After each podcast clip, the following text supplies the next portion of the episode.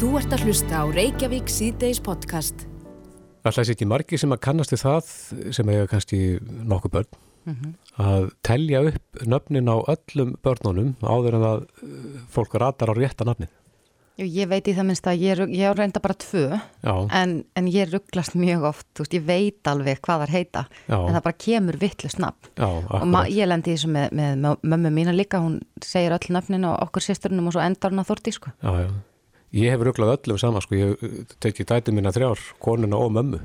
Já, já, Svona þú veist alveg þar að til þess blanda að toppa bara þetta. en þetta er eitthvað svona eitt af því sem maður getur ekki uh, útskýrt eitthvað neginn Nei, akkurat. En uh, fáum sérfræðingi til að reyna að útstýra þetta fyrir okkur. Heiða Marja Sigurðardóttir, dósent við Sálfræðideild Háskóla Íslands og doktor í taugavísindum, Sæl. Sæl. Já, ég er að reyna, reyna að gera einhverja tilhund til þess að útskýra hvað er í gangi. Já, getur þú gert það?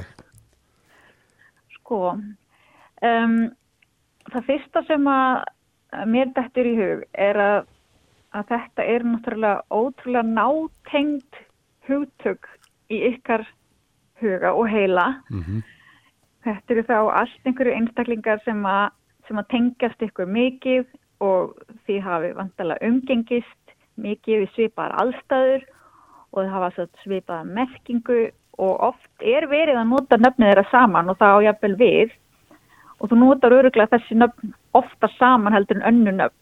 -hmm. Þannig að það, það sem fer saman eh, bæði í tíma og merkingu það fer að tengja saman í heilanum. Þetta er bara svona svolítið eins og ég myndi segja pipar og, og þá dettur ykkur strax hug salt. Ken og, Barbie, og þá dettur ykkur strax hug Barbie. Jósef og, Marja. já, og hérna, þannig að alveg svo nöfnin Jósef og María eru mjög nátengt af því að þau hafa mjög nátengda merkingu, þau heyrast oft saman að, að þá eru nöfn barna ykkar eitthvað sem að þið hafa oft notað saman um mjög nátengda merkingu. Og það verður svona það sem kallast hugtaka íving þannig að hug, hugtök þau virkja önnur hugtök sem hafa svipaða merkingu. Þannig ef ég byrði ykkur til þeim sem að fylla hann í eyðina og ég segi uh, hvern, hvað myndið þið setja sem fyrsta staf uh, fyrir eitthvað sem endar á eklingur og ef ég er búin að vera að tala um hund og mjólk og gæludýr og mjálma þá myndið þið kannski segja kettlingur. En ef ég hef verið að tala um trefil og húfu og kast og hendur Mm þá myndið þið frekar segja vettlingur. Mm -hmm. Hérna, þannig að þegar þið eru að leita vantarlega ykkar minni að nafninu á einhverju barni þá virkjast það öruglega nafnið á barninu. En það verður einhver svona virkni dreifing eh, til nálægra hugtaka sem hafa svipaða merkingu og hafa kannski oft komið fyrir saman.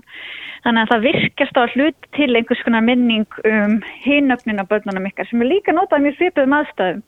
Og, hérna, og þá stundum verður það líklega þannig að, að vittlust nafn uh, hefur vinningin af því að það er að hluta til virkjað og, hérna, og stundum myndi það þá bara vera jafnvel meira virkjað heldur en réttanafni. Akkurat, er þetta bara eins og maður sé að draga úr, þú veist, er þetta bara allt í sama pottinum og, og maður dregur og allt vittlust? Já, það heilanum má þá? eiginlega hugsa um það og, og sem sagt, það sem að potturinn er þannig að það sem að hefur svipaða merkingu, að það er nálægt í pottinum þannig að þú ert líklega til þess að rugglast á því sem er nálægt í pottinum heldur en eitthvað sem er langt í burtu. Við vorum með þetta ræðið þetta hérna í, í gær og, og uh, einhver hafði nú heyrt þá stýringu að manni þætti þá bara jafn vænt um, um öll börni sína. Þetta væri svona í þeirri stöð heilans. Já, ég meina það getur bara alveg vel verið að það sé líka svipu svona tilfinningatengst og þá, þá er þetta náttúrulega enn tengdara í, á ýmsan hátt. Mhm. um, og hérna þá er, þá er það kannski enn líklega til þess að rugglast á þessu.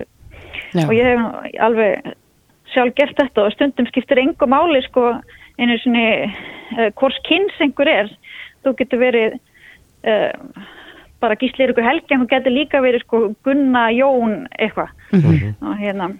En það, það er annað sem við rættum að setja okkar á milli gerð sem ég held að sé nokkuð sko algengt hjá fólki að rugglast á. Og ég ger þetta í hvert einasta skipti sem ég ætla út í bakari. Þá segist ég vera að fara út í apotek og, það, og, ég, og þannig erum við að tala um sko, þetta er ekki hlutir sem eru oft notaðir saman. Þetta eru tvö mjög svona, já, ólíka orð og, og með ólíka merkingu. Hvern, hvers vegna getur verið að fólk sé að rugglast á þessu tönnu? Þau eru reynir kannski ekki svo rosalega ólík.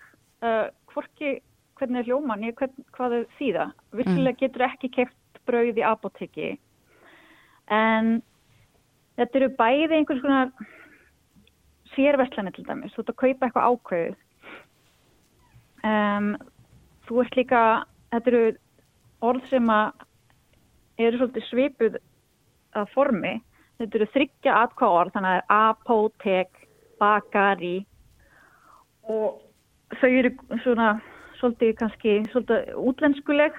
Þau eru líka bara bæði af erlendum upprunaskilsmir mm -hmm. og svo, svo byrjaði það svipan hátt.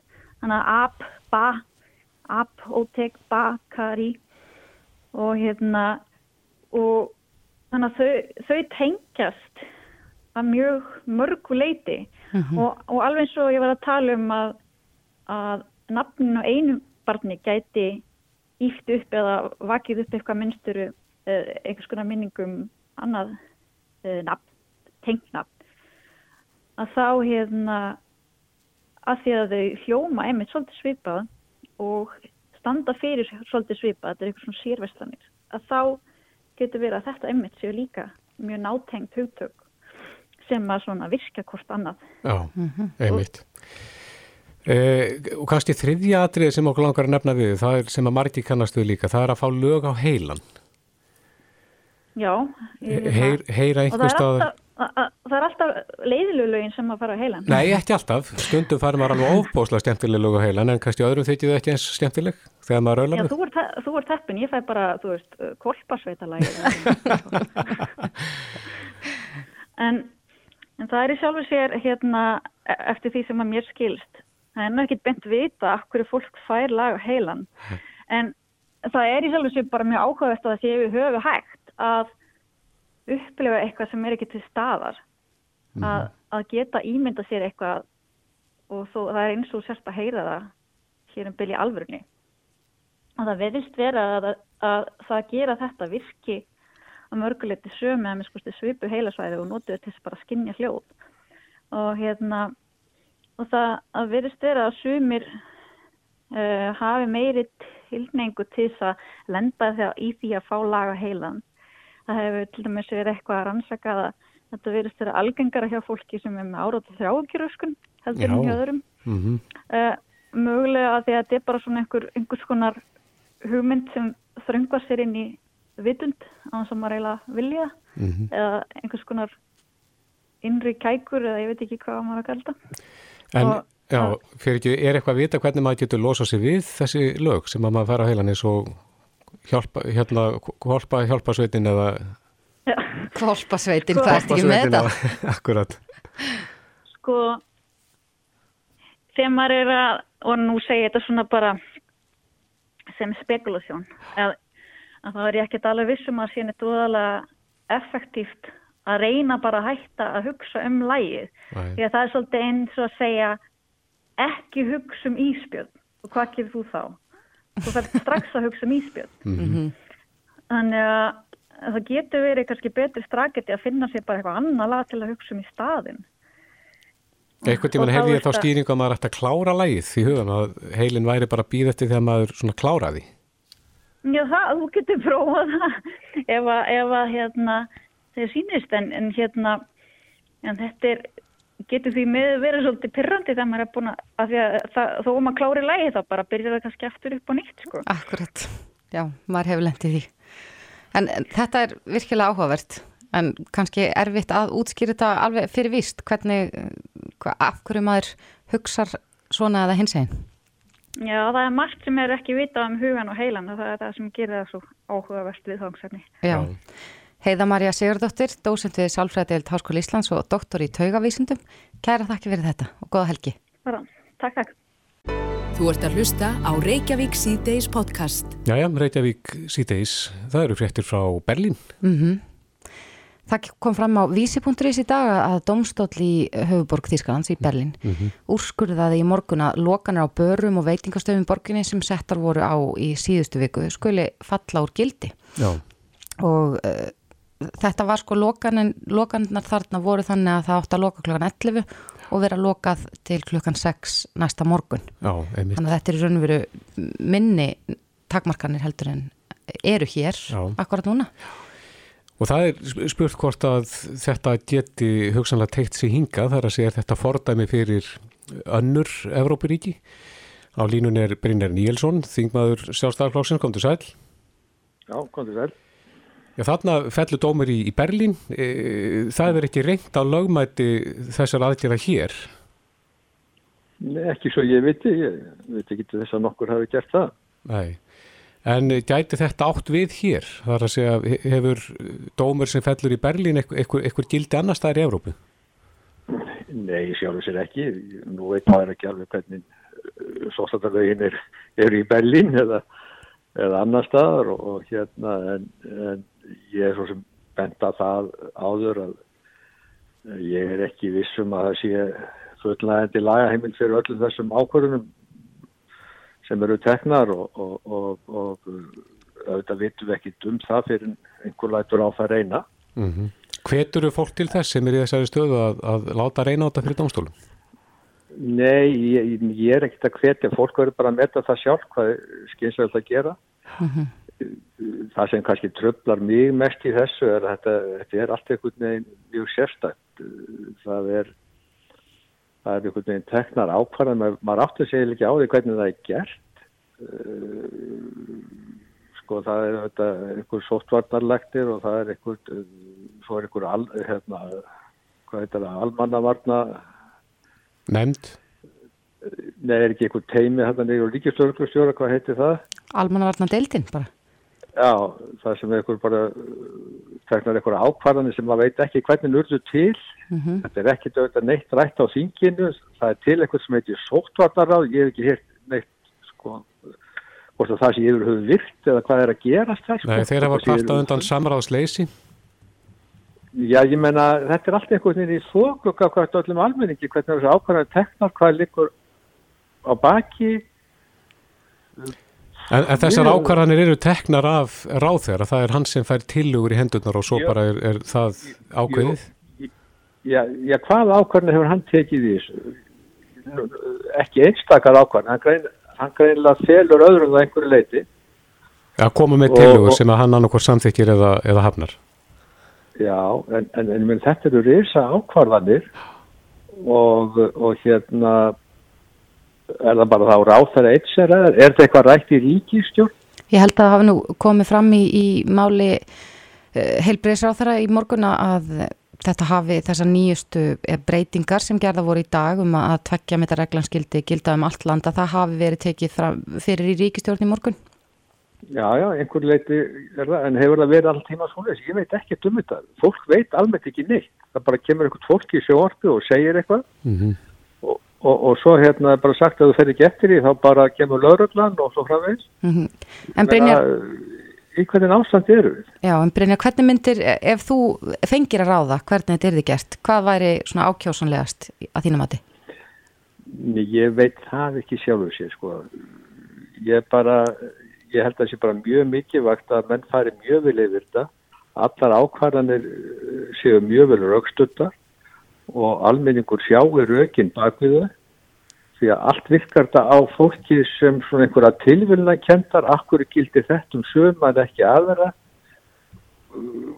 hvaða raukur að ganga svona langt og, og akkur geta aðri ekki haft þetta öðru í vísi mm -hmm.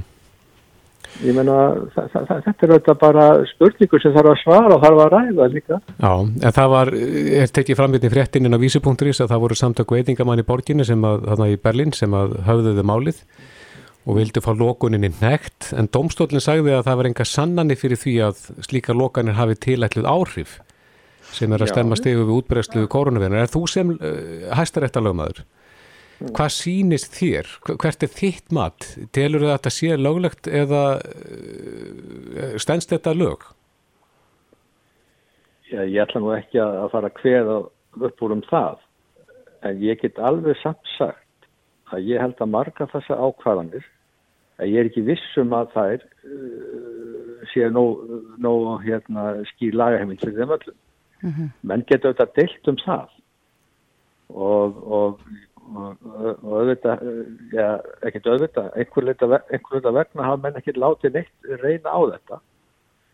Vegna þess kannski að viðbröðin verða mikil en menn alltaf fara að malda eitthvað í móin sko, það er þannig mór allir samfélaginu, ef að malda í móin þá, þá bara eins og hann sé bara alveg sama um líffólks og svo framveist, þannig að fólk bara forðast á umræðu. Mm -hmm. En það eru eh, fleiri en bara veitingamennu þetta sem, að, sem að, að þessar takmarkanir hafa áhrif á líkamsrættastöður lokaðar, sundlögar og, og svo mætti lengi telja. Gætu að þínu mati, svona, þínu faglega mati að einhverjir af þessum einstaklingum látið reyna á lögmæti aðgerðana? Bara eins og staðan er núna? Ég menn get alveg gert það hér eins og í Berlín sko. Já. Ég nokkur var um það, menn getur þetta látið reyna á það. Fengi svolítið smár flíti með það? Þá fyrir að menna sína fram á að það veri nöðsynlegt og, og, mm -hmm. og, og mætti ætla að hafa einhvern árangur og líka þarf að það vera laga heimilt fyrir sem skýrum hætti að, að, að, að þetta hægt sé að ganga svona látt. Ég hef auðvitað ekki kynnt með það sérstaklega en, en það er ákjært að einhver myndi kannski vilja láta reyna á það en, Já, e ef að það er því láti Já, ef það er því mm. láti reyna á þetta fengi slíkt mál eitthvað að flýti með fyrir svona ljósi ástandsins og, og það er hagsmunna sem er undir Ég bara get ekki svaraði, ég get ekki hugmyndu um það Nei Það getur vel verið að sé einhverju rögt til þess. Erstu dóttur úr æfingu? nei, nei, ég menn það er þetta rögt til þess vegna sem maður getur sagt þegar þetta er ekki nýðustöðið þá er ég bara minn rekstu farin á hausin sko. Já, mm. já, já, akkurat. Er, er einhverjar umræður um þetta svona í kringum þig hjá, hjá lögdjáfinum? Hún er áskaplega takmörku. Við erum öll ekkert neginn út á söður. Það með ekki vera margir í þingsalum og helst ekki neyra á þingin en það eru sérstaklega erind í ræðustól. Mm -hmm. Þannig að þetta er einhvern veginn allt hálf lama og þetta gerist einhvern veginn allt einhvern veginn bak við tjöldin og svo er bara komið einhverja tilkynninga. Sko. Mhm, þannig að þú, þú kallar eftir meira samræði? Já, ég kalla þetta meir og betur umræði. Ég menna að vísu er mjög gott að, að, að þetta sóttadegivöld reyna að útskýra og vera að halda þessa fundi og, og svara spurningum. En, en maður er ekkit miklu nær um það sko hvernig, eh, hvort þetta sé algjörlega nöðsynlegt og hverju rökinn bak við þetta og sumtir tilvöluðan og sumir fá undateklingar og aðrir ekki og, og svona þetta skapar þetta ákveði vanda og úlmúð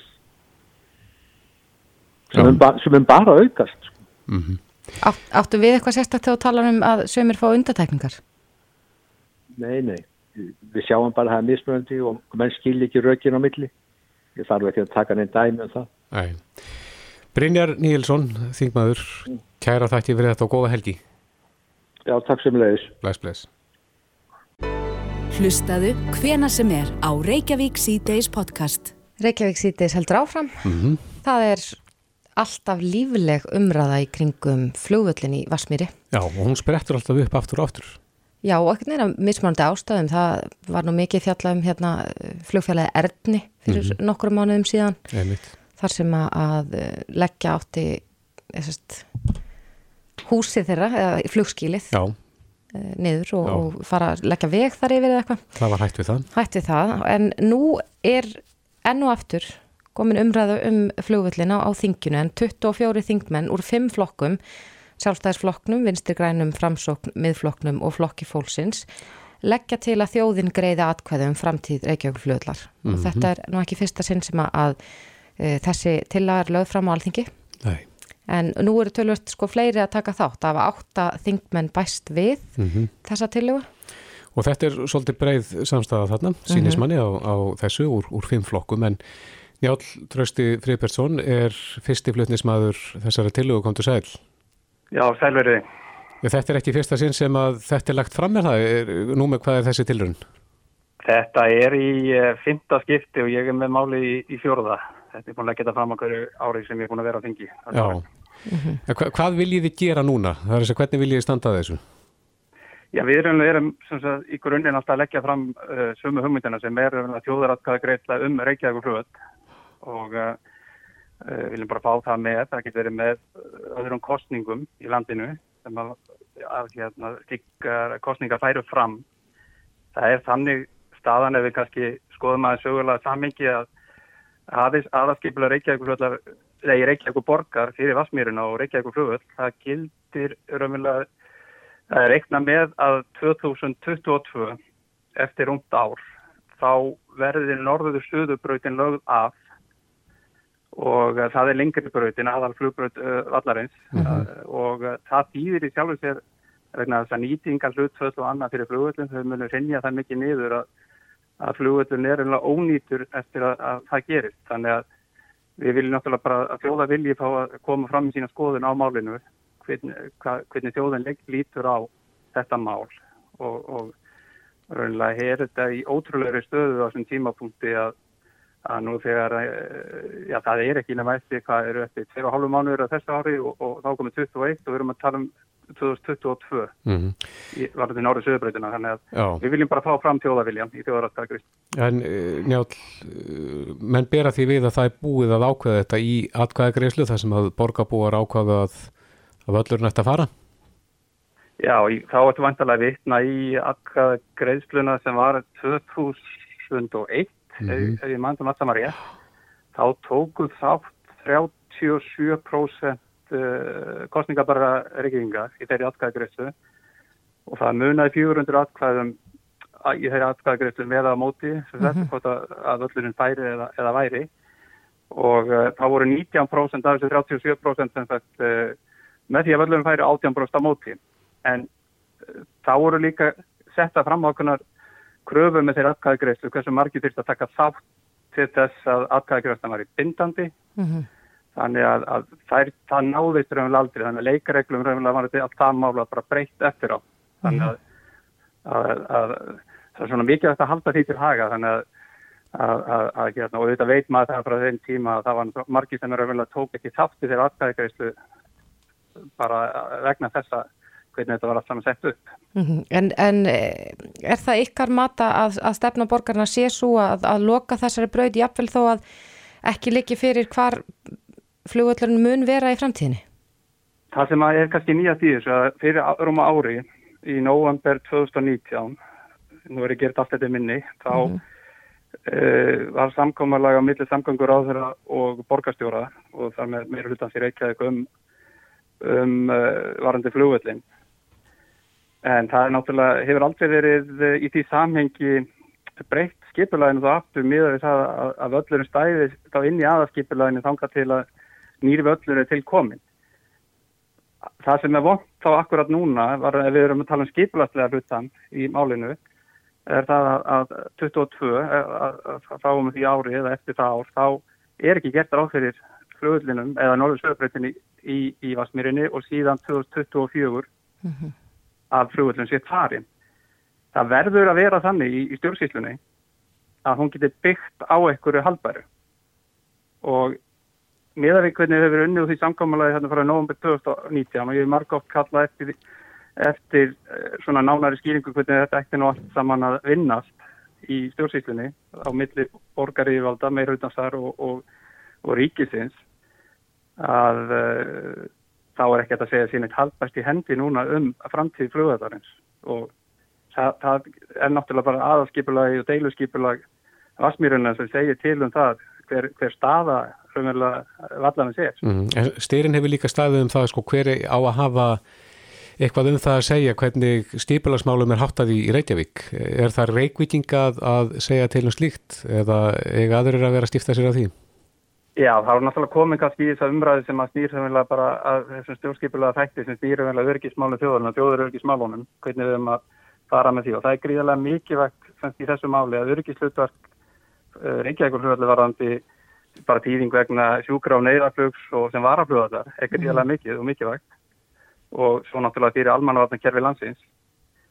Þannig að það er þetta sem hefur kannski bara er svo ótrúlegt að, að við erum komið fram árið 2020 að þetta sé ekki á hreinu í stjórnskipulagi landsins hvernig er staðið þessum málum mm -hmm. og við náttúrulega erum að benda á það í greinagerð þessa máls um þjóðratkvæðagreyslu að benda á þess að fjölmörka þætti sem að, sem að, að, að koma inn á þessu þannig að inn á þetta, þessi mál og þetta tala náttúrulega alltaf skýra í stjórnsýslunum. Það er, ég held að það er mikið verið að tala um kvassarhunnið og það er líka komið fram eins og gerða var þegar neðustu voru kynntar í fyrra, fyrir um árið síðan að uh, sá völlur er ekkert að koma til skjálan og er ekki tilbúin nótkunn þegar kannski eftir 15-20 ár. Mm -hmm. Þannig að þetta er langt og mikið ferli og við getum náttúrulega þeim, tíma, þeim sama tíma ekki verið með uh, Reykjavíkur flugvöld og hans mikilvæga hlutur varandi þjóðarauðviki, almannavarnir og, og varaflugvöldur og hvað, hvað, hvað allt þetta heitir nú í þessu limbúi í stjórnsýstunni. Mm -hmm. Þannig að og ég held að sé bara þetta er svona hefðbundið mál en við vilja fá uh, þetta er einfalt mál að koma með fram í þjóðarakvæði og og, og við erum lega hvetja til þess meðan Já. það er ekki komin í niðurstað með þetta og, og, og borgin uh, og ríki verðast ekki hafa nátt að reynda þetta mál en, að, vafa, að þá verður þetta bara að fara fram Já, en já, þú talar um þetta sé nokkuð einfalt mála að, að setja þetta í þjóðaratkvæðin en þetta er í fymta mm. skipti sem að þessi til að er lögð fram. Hvað stendur í vegi fyrir að greitt verði atkvæðum þetta? Já, það er náttúrulega bara viljið þingsins, það þarf að koma fram og þetta þarf að fara í gegnum uh, þær nefndið, nefnd sem að þeim með máli inn í þinginu mm -hmm. til að fá, fá það fram til þjóða í, í, í aðgreða máli út úr þinginu. Og er ekki viljið til þess? Það er bara það sem er stendur. Það er bara, það, það er, þannig stendur máli í, í þinginu sko. Mm -hmm. Rétt eins í lókin þetta er uh, fjölbreyttur hópur, 24 úr uh, mismunandi hérna, flokkum. En er þetta í grunninn einsleitur hópur? Er þetta hérna, landsbyðaþingmenn sem að vilja hafa flugvöldin í Vasmíri? Nei, það er nú ekki svo að fullur sko. Það er sem kannski, þið sjáu hvaða flokka vantar þarna upp á. Það, það, það eru flokkar þess að stýra í Reykjavík? Það er þá samfélkingin viðreistn og, og, og, og hérna píratar sem er, það eru lengi frá þessu þrejum flokkum. Nei. Þannig að það er kannski rétti aðra að þú sem þú bendir á að það er umverulega þeir sem stýra Reykjavíkuborg og þeir flokka sem eru þar að þeir eru ekki beint mikið á þessum máli en mikið gríðalega stuðningur almennt annars það frá öðrum flokkum mm -hmm. og auðvitað er það þannig auðvitað er það þannig að á undarföldnum já mörgum árum eða áratugum þá hefur verið mikið stuðningur með að þjóðarinnar í, í skoðanakonunum við flúiðin og ég vil það 70-80% en, en, en þannig að þið Þetta er náttúrulega bara, uh, já, heitkastefla í, í, í íslenski pólitík. Já, má segja það. Og við sjáum það náttúrulega koma fram í þessum. Mm -hmm. Já, við fylgjumst með því hvort að þetta muni ná að fara í þjóðaratkvæði en, en náttúrulega trösti Friðbergsson, kæra þakki fyrir þetta og góða helgi. Já, takk, góða helgi. Reykjavík síðdeis á bylginni. Já, já, Reykjavík síðdeis, það er bleikidárun í dag og við myndum eftir þeim degi. Já, og svo samanlega. Akkurat. Reyndar ekki bræi. Nei, við erum ekkert að tala hátt um það. Nei, nei, við skamum hann bara eins. Já, já, hann er með, með okkur í anda. en uh, bleikidagurinn, það er, þetta er stór dagur fyrir krabbaminsviðleið. Akkurat. Eitt stærsti dagur ásins, stílst okkur. Já, en þetta er allavega, við eigum að bera slaufuna og við eigum að klæðast bleiku og, og lýsa upp skamdegið í bleikum ljóma. Mm -hmm. Og það er það sem maður er að reyna að gera. En uh, ég veit ekki hvort það sé bara tíðarandi núna. Þetta eru færri á á ferð og færi hér á skrifstón en, en mér fannst bleikið dagur að vera hans bleikar í fyrra. Já, ég er sammála því. Það er spurning hvað veldur því? Getur það verið þetta eh, slæma umtal sem hefur verið um eh, krabbaminsfélagið á, á liðinu vikum? Mm -hmm. Halla Þóraldsdóttir, frangatastjóri krabbaminsfélagsins er á línu, kom til sæl. Sælverið. Hvað segir það? Er, er, er þetta stand í veginu fyrir ykkur núna? Það er að segja tíðu fréttir af félaginu? Nei, við reyndar finnum bara fyrir mjög miklu meðbyr. Það er hérna þegar við vorum að tala um uh, bleika lýsingu og, og, og bleikan fatnað og, og allt þetta. Við höfum til dæmis í dag verið að fá alveg ógrinni af, af myndum og myndbrotum af hérna frá þeim fyrirtækjum þar sem að fólk er til staðar. Það eru mhm. margir, mjög margir sem hafa gert þér gladan dag í dag mm -hmm. og, og, hérna, og mörg, mörg fyrirtæki sem bara eins og, eins og áður standa mjög þjætt við bakið af okkur og, og með bleiku slöfinni. Það er mhm. mjög ánægilegt líka að, að það er alltaf svona uh, svolítið mismunandi eftir, eftir sveitafélagum hvernig þáttakan er mjög Nú. gaman að sjá hvernig þau hafa staðið sig á, á hérna, Selfossi í ár. Ég held að Selfossi bleikasta sveitafélag Árborg, þá vantarlega bleikasta sveitafélagið á, á Íslandi í Það dag. kemur reyndar ekki á Mjög óvart. skemmtilegar myndir þaðan. Já, já. Já, en eh, Halla eins og við sögum hérna þá hefur þetta verið mikið umtal um krabbaminsfélagið að undanförnu síðustu vikur. Um, telur þú að, að já, þið þurfum að fara í einhvers konar ímyndarherferð til þess að vinna tröst landsmanna á ný?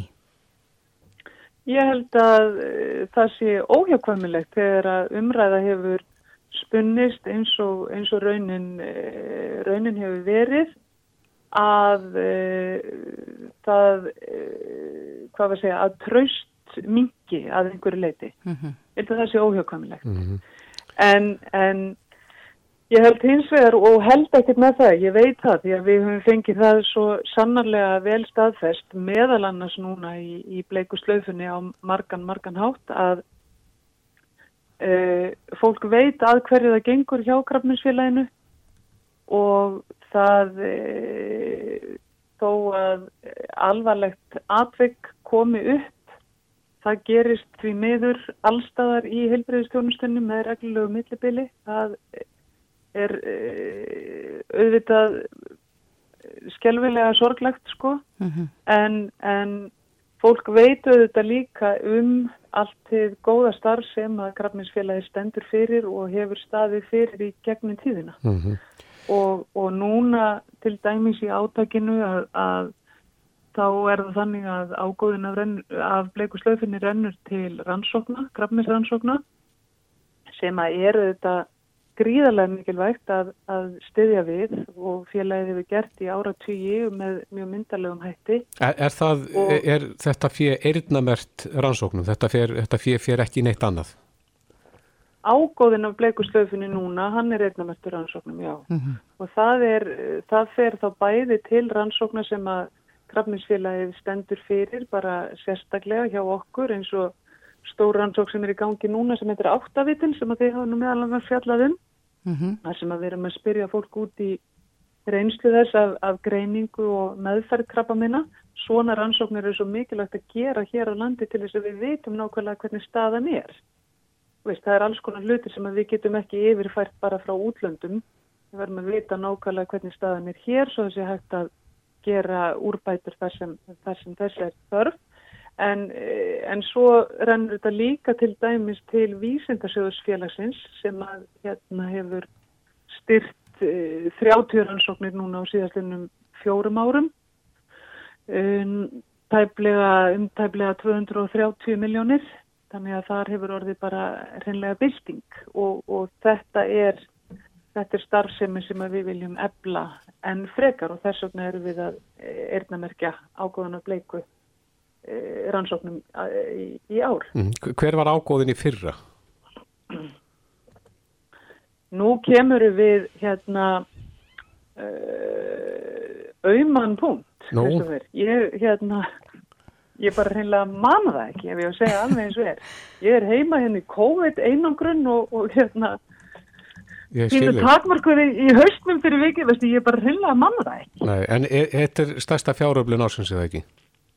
Jú, sko, það eru, uh, fjáröflun félagsins er náttúrulega fyrst og fremst, uh, hérna, uh, hvað veist það, það eru, það eru, þrí, það eru þrjár svona megin stóðir. Mhm. Það eru velunarar krafninsfélagsins Mm sem, að, sem að eru mánaðarlegi styrtaræðilar og svo er það bleikaslöfu fann og svo er það mátumars. Þetta eru, þetta eru megin stóðir. Já, það er nú leðilt að heyra Halla að, að þú sért heima í einangrun en, en ertu búin að, er langt síðan þú greindist með, með kórnuverinu? Já, það er hérna, það er að verða, það er að verða tvær vikur, Já, já. Fólk er, að, fólk er að lýsa mismunandi svona eftirkostum. Hvernig laðist þetta á þig? Hver, voru helstu enginn hjá þér? Já, það er nú lítið að frétta af þessu hjá mér, því að ég er nú bara ein af þeim eh, hefnu og virðist vera að fara bara mjög vel út úr þessu með lítil enginni og allt það. En einangrun hins vegar hefur, hefur hérna, hefur slæm áhrif á fólk. Það er ekki, ekki góð lífsveinsla. En, en af því að við erum nú að tala um, um hérna krabba meina að, hérna þá er það líka svolítið holdt að lenda í svona stöðu því að þetta er auðvitað staða í raun og veru sem að tölverta krafminsjúklingum til dæmis lendir í Að einangrast. að, að þeir þurfa að vera í einangrun um, um lengri eða skemmri tíma af því að þeirra líkams ástand er, er þannig, ónæmiskerfi mjög bælt og, og svo framvegis. Já, Þannig að, að einhverju leiti er hérna, get ég allavega ekki kvarta. Nei. Það er alveg á reynu, sko. Það er alveg á reynu. rétt aðeins í lokin Og- halla, fyrir ekki, Já. Nei, ég ætlaði að segja sko, en svo eru náttúrulega þessi COVID áhrif, þau eru svo rosalega margþætt sko og við finnum til dæmis fyrir því núna í bleiku slaufunni að við vitum auðvitað ekkert nákvæmlega hvað kemur upp á kössunum. Það er alltaf eitthvað sem liggur ekki fyrir fyrir hann sölu líkur og, og hún er auðvitað í sölu út um allt land í ótal, ótal verslunum en, en eh, vefverslun, við erum rekum vefverslun, krafminsfélagið og salan í vefversluninni hefur eins og í öðrum netverslunum sem hefur nú verið tölvöld talað um að sko hún er eftir því sem að mér skilst í, miða við sömu daga í fyrra að það er 114% aukning og sölu. mm Þannig að, að hérna þau áhrif, þau áhrif sem, sagt, sem við sjáum bara í sölu og matveru og öðru að þau end, endur speklast líka í bleiku slöfunni. já, akkurat. En við sendum bara bestu kveður í einagrun til þín, Halla Þorvaldsdóttir, frangotastjóri Krabbaminnsfélagsins. Gangi ykkur vel að selja bleikuslöfuna. Takk fyrir kærlega. Bless, bless. Reykjavík síðdeis á Bilginni podcast. Reykjavík sýttis heldur áfram. Það er alltaf gaman að sko heyra fólki sem er að gera skemmtilega hluti þráttu verið að, að lífið sé kannski svona nokkuð tilbreytingar löst akkurat núna. Já, Um, við vitum auðvitað að fólk er mikið úti að reyfa sig, ekki golvarar samt, þeir með það ekki. já þeir fara bara í göngutúra. Já, þeir var eitthvað öngutúra í staðin og, og ég til dæmis fór í fjallgöngum daginn og, og ég held ég verði bara að segja það ég hef aldrei mætt svona mörgum. Já. Þetta var bara, Það þið fleiri vera núna í svona úti að reyfa sig. já, miklu fleiri, miklu fleiri, jafnvel bara heldur en í sumar þegar að, að sko sólinn skein og, og allt þetta. En, en ég er í skemmtilegri Facebook-grúpu sem heitir Fjallastelpur, með svona umræðuhópur fyrir konur sem Einmitt. vilja vera út í vist.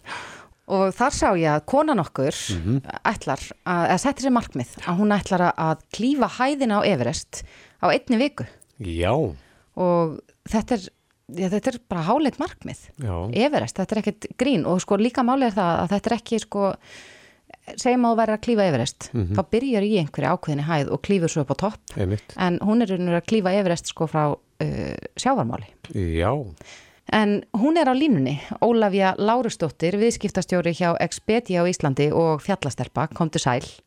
Sælflessu. Já, erum við nokkuð að fara með randmál? Þú ætlar að, að ganga uh, líkt og þú værir að, að ná Everest, ná toppi Everest. Já, sko, aðalega hæðina á Everest. Ég var svo sem ekki að spá í veglendina, Mm heldur bara hæðina á Everest sem er þá 8848 metrar mhm, og á einni viku. Og þetta var bara svona uh, til að gera eitthvað krefjandi í, á þessum tímum. já, hvað ertu komið langt inn í þessa viku? Núna, sem við erum á degi 5 og við erum komnar í 5200 metra. Rúma. Já, Vorum að klára móskursnúkan í morgun og erum mættar á Ólafsölli. já, eru þið komnar í grunnbúðir? Ég- Já, ég held það, við séum að nálgast grunnbúðir af því Já. mér skilst það séu hvað 3400 metrar sem er runni frá grunnbúðum upp á topp, þannig að Já, ég held að við að komna nála því. Já, og, og, en hvað, hvað fekk ykkur til þess að, að fara af stað með þetta? Eru þið nokkra saman Já. í þessu? Já, við erum sér fjóra saman í þessu en ég, ég er svo sem er stórstrakkin að þessu. Eh, ég var nú bara týndin á YouTube eitt kvöldið og datt inn í heimildamind þar sem að einn eh, svona utanvega hlaupari, últrahlaupari í Kanada var að taka tvö Everest á einni viku. Þannig að mér hefur datt í hug, ég geti nú kannski tekið eitt, eh, eina ferð eh, og upp á Everest. Akkurat.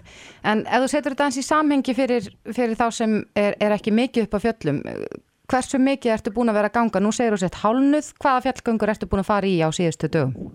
Já, sko við byrjuðum fyrsta daginn á að fara tværferðir upp að steini svo uh, dag nr. 2 byrjuðum við klukka 5.30 um morgunin og fórum eina ferð upp á steini uh, setnipartin þrjárferðir upp á Úlfarsfell morgunin eftir tværferðir upp á Úlfarsfell. Uh, og, og já og svo þannig að þetta er svona kolla kolli. Við erum búin að vera mest hérna í- Esjunni og Úlfarsfellinu. Mm og, og, en þetta eru cirka tværferðir upp á steini á dag. En við ætlum að enda þetta á, mor morgun ætlum við að taka öll fellin í Mosó. Mm og svo á sunnudaginn ætlum við að fara þrjárfærðir upp á steini. Mm -hmm. Þannig að þetta er smá vinna. Já, en þegar þið eru búin að ná þessu takmarki, þið hætti við alla þá, er það bara nýtt markmið? Já, það eru eitthvað nýtt og skemmtilegt. Eh, við erum nú allar svona eh, náttúru hlauparar og kynntist í gegnum það. Við erum fjóra saman sem erum að taka þetta allt saman. Mm -hmm. Þannig að við verðum örglega í ykkur fjallabröldi og hlaupum. Mm Vi, við til dæmis skokkum yfirleitt niður sko. Já. við, við kunnum ekki að lappa niður. En Ólafía, tekur undir það með mér að, sko, ég, ég var nú að ganga um daginn og mér fannst ég mæta óvenni mörgum akkurat á Úlfarsfelli. Er, er fólk mikið á fjöllum eftir að, að líkansrættastöður og sundlegur og svona lokuðu? Það er, bara ekki spurning, menna við vorum á móskonsjúkurum og það var bara eins og lögavegurinn. Sko. Mm -hmm. Og samt fórum við klukkan, þú veist, eitt af stað eða tvö um tvöliti. Þannig að það er rosalega mikið að fólki að fjöldlu sem er náttúrulega bara frábært að fólk sé út að hreyfa sig og náttúrulega veðrið eins og það er núna náttúrulega býður upp á góða útífist og góða næringu. Já, ert þú á fjöllum allan ásins ring líka þegar að, að skamdegið er orðið meira? Já, allan ásins ring. Öllum veðrum, hleypi öllum veðrum og, og geng á fjöll. Það er bara, maður bara klæði sig. Mm -hmm. Veðrið er vest í fólkstofunni. Já. Ólafía Lársdóttir, viðskiptastjóri hjá Expedia, við bara ósku þér góðs gengis að, ná toppi Everest. Takk fyrir. Góða helgi. Bless. Sem leiðis. Bless. Reykjavík síðdeis á Bilginni podcast.